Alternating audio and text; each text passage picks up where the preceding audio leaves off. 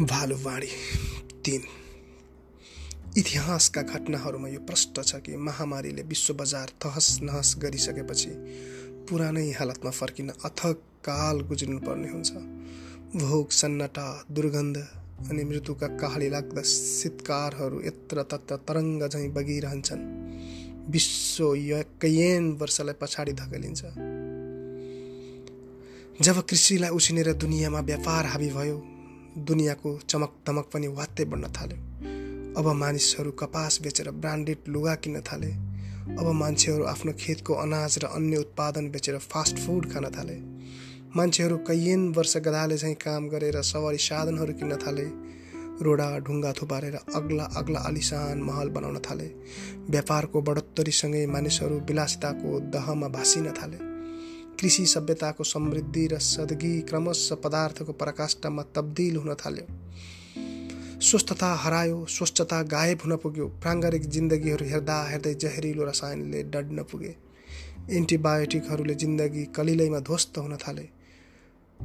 पुँजीको सिद्धान्तले हरेक वस्तुको मूल्य तोक्छ मान्छेका टाउको भाउ लगाउँछ होड प्रतिस्पर्धा र एक किसिमको तछाड मछाडको स्थिति उत्पादन गरेर मानिसहरूलाई उक्साउने काम हो व्यापार। जहाँ पैसा गन्ने बाहेक अर्थो काम एकदम कम हुँदै जान्छ। व्यापारमा मात्रै भर परेका मानिसहरू अब क्रमशः भोकमरीको शिकार हुनेछन् किनभने स्टकको एउटा हद हुन्छ उत्पादन र आपूर्ति न्यून वा नगन्य भएपछि बजार स्वत रित्तो हुँदै जान्छ। ऋतु हुनुभन्दा अगाडि बजारमा ठुलो चलखेल हुन्छ कालाबजारीहरू हुन्छन् उपरोक्त अवस्थामा कुनै उपाय नगरे लुटपाट र हिंसा नै पनि निम्तिन सक्छ आन्द्रा कराएपछि जब मान्छेले खान पाउँदैन तब उसको सभ्यताको ग्राफ पनि मलिन हुँदै जान्छ र मान्छे अब मान्छे रहँदैन। दन्किएको आगो र भोको मान्छे उस्तै हुन्। पानी वा भोजन नभेटेसम्म दुवै खतरनाक हुन्छन्। त्यसैले सर्भाइभलको दिगो समाधान भनेकै कृषि हो। अब पुनः यसको शरणमा फर्किनुको कुनै विकल्प छैन। अहिले यो लकडाउनको समयमा आफ्नो छेउछाउमा खेतीपाती सुरु गरिहालौँ। जग्गा छैन भने छतमा गमलामा मिल्काएका भाँडा बर्तन इत्यादि तत्काल त्यसमा राखेर उमारेर खान मिल्ने अनाज र तरकारीहरू लगाइहालौँ। रोपेको केही दिनमै खान मिल्ने कैयन बालीहरू छन्। तिनको पहिचान र सदुपयोगमा लागिहालौँ। अहिले सरकार भ्रष्टाचार गर्न र मजाक गर्न मात्रै तल्लिन्छ। गाउँ गाउँका खाली जमिनमा उसले अनेक खेती सुरु गर्नु गराउनु पर्ने हो। सावधानी अप्नाएर यो बेला पनि खेतीपाती त गर्न सकिन्छ। भोलिको पनि सोचौँ लकडाउन लम्बिँदै जाँदा अहिले अनेक अत्यावश्यक कुराको अभाव सुरु भइसकेको छ। पुरै विश्वमा उत्पादन ठप्प छ। यस्तो अझै लामो हुँदै जाने सम्भावना पनि छ। तसर्थ यो हाम्रो कृषि प्रधान देशको इज्जत जोगाउँ किसानहरू जागौँ अरूहरूले किसानलाई साथ दिन थालौँ अभियानकै रूपमा जताततै हरित क्रान्ति सुरु गरौँ। अब कृषि युगको पुनरावृत्ति हुनेछ। बजारको एउटै समृद्ध विकल्प भनेकै कृषि हो। अरू सबै गरेर हेऱ्यो तर फिक्का फिक्का भयो जिन्दगी। त्यसैले प्रकृति शरणम गच्छामी। महामारीमा जिउ जोगाउनु अनिकालमा बिउ लगाउनु अनि बिउ रोपिहाल्नु जय नेपाल जनक।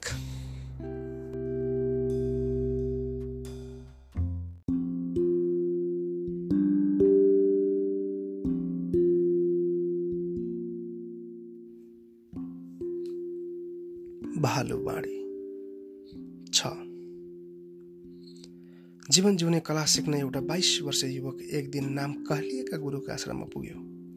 युवक निकै वैराग्यको थियो जगतको हालत र मान्छेको स्वार्थ देखेर अनि भोगेर ऊ आजित भइसकेको थियो। उसले जताततै क्रोध जाग्थ्यो।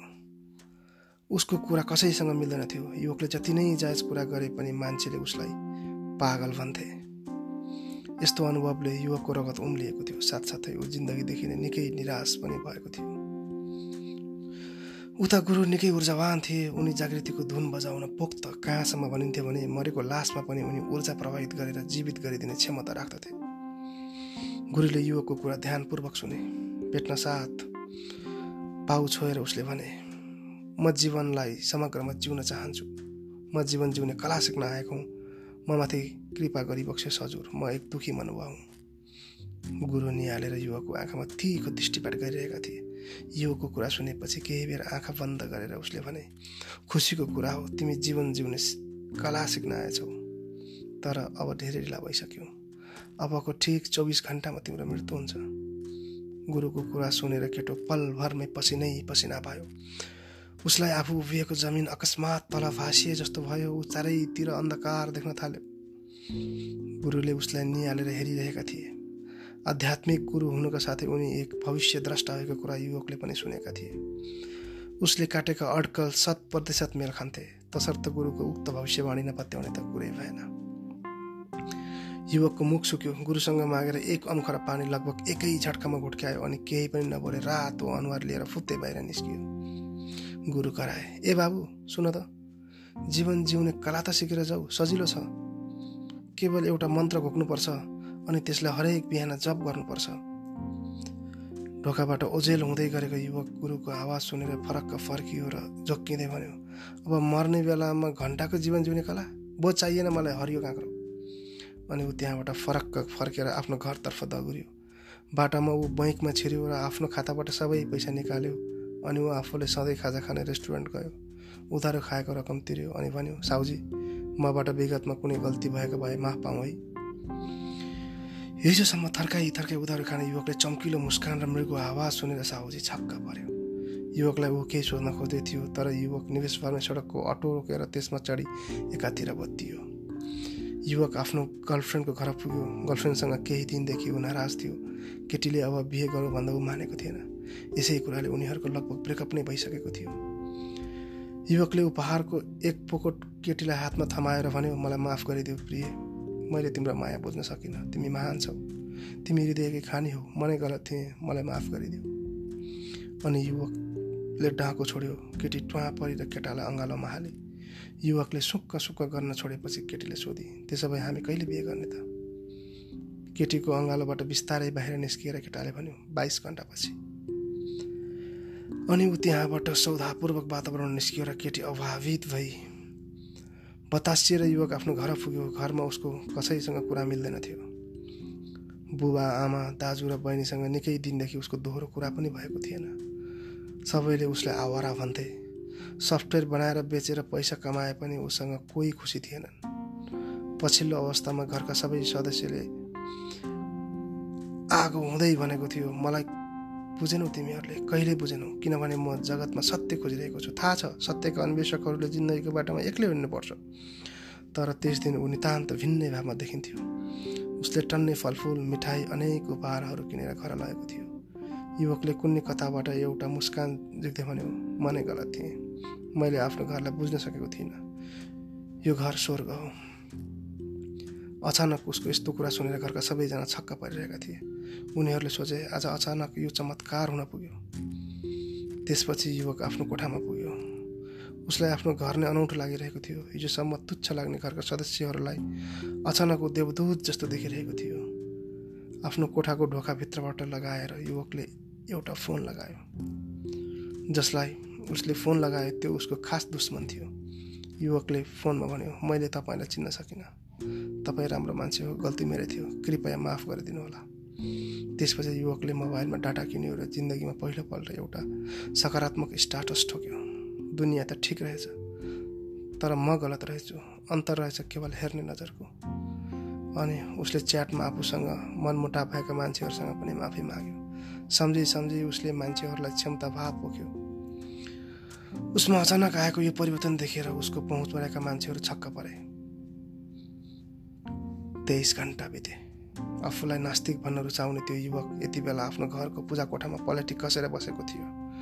धर्मका पुस्तकहरू झिकेर जोर जोर ऊ लगातार संस्कृतका मन्त्रहरू वाचन गरिरहेको थियो। हेर्दा हेर्दै चौबिस घन्टा पनि बित्यो। उसको मुटुको धड्कन तेज हुँदै थियो। ऊ झन् जोर जोरले मन्त्रहरू पढ्न थाल्यो।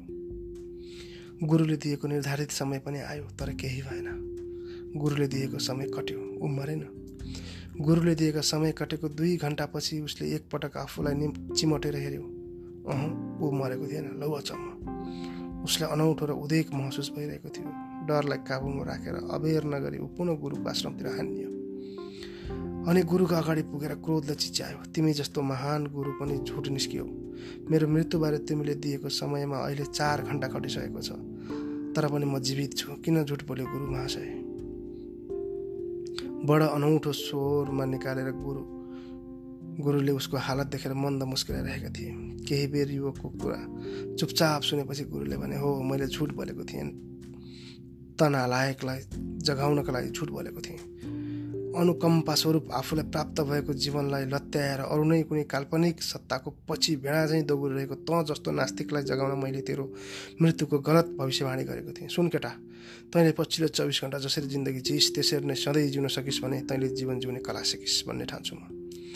र सुतिरहेको मान्छे जगाउन म यस्तै यस्तै अनेक जुक्ति निकाल्ने गर्दछु किनभने मृत्युलाई अनुभूत नगरी जीवन जान्न सकिन्न र जीवनलाई भरपुर नबाँची मृत्युलाई पनि बुझ्न सकिन्न। हरेक दिन यही भावमा जिउनु कि मृत्यु मेरो एकदमै नजिक छ र यो कुनै पनि बेला टप्किन सक्छ। अब दुनियाँप्रति वैरभाव होइन केवल करुणाको अभ्युदय हुनेछ। केटोले डाको छोड्दै भन्यो अनि ऊ चरण कमलमा घोप्ट्यो। के हामी यो युगभन्दा कम छौँ जगत नै लकडाउन भए पनि माइन्ड त लकडाउन हुनु भएन नि कि कसो शुभ दिन जनक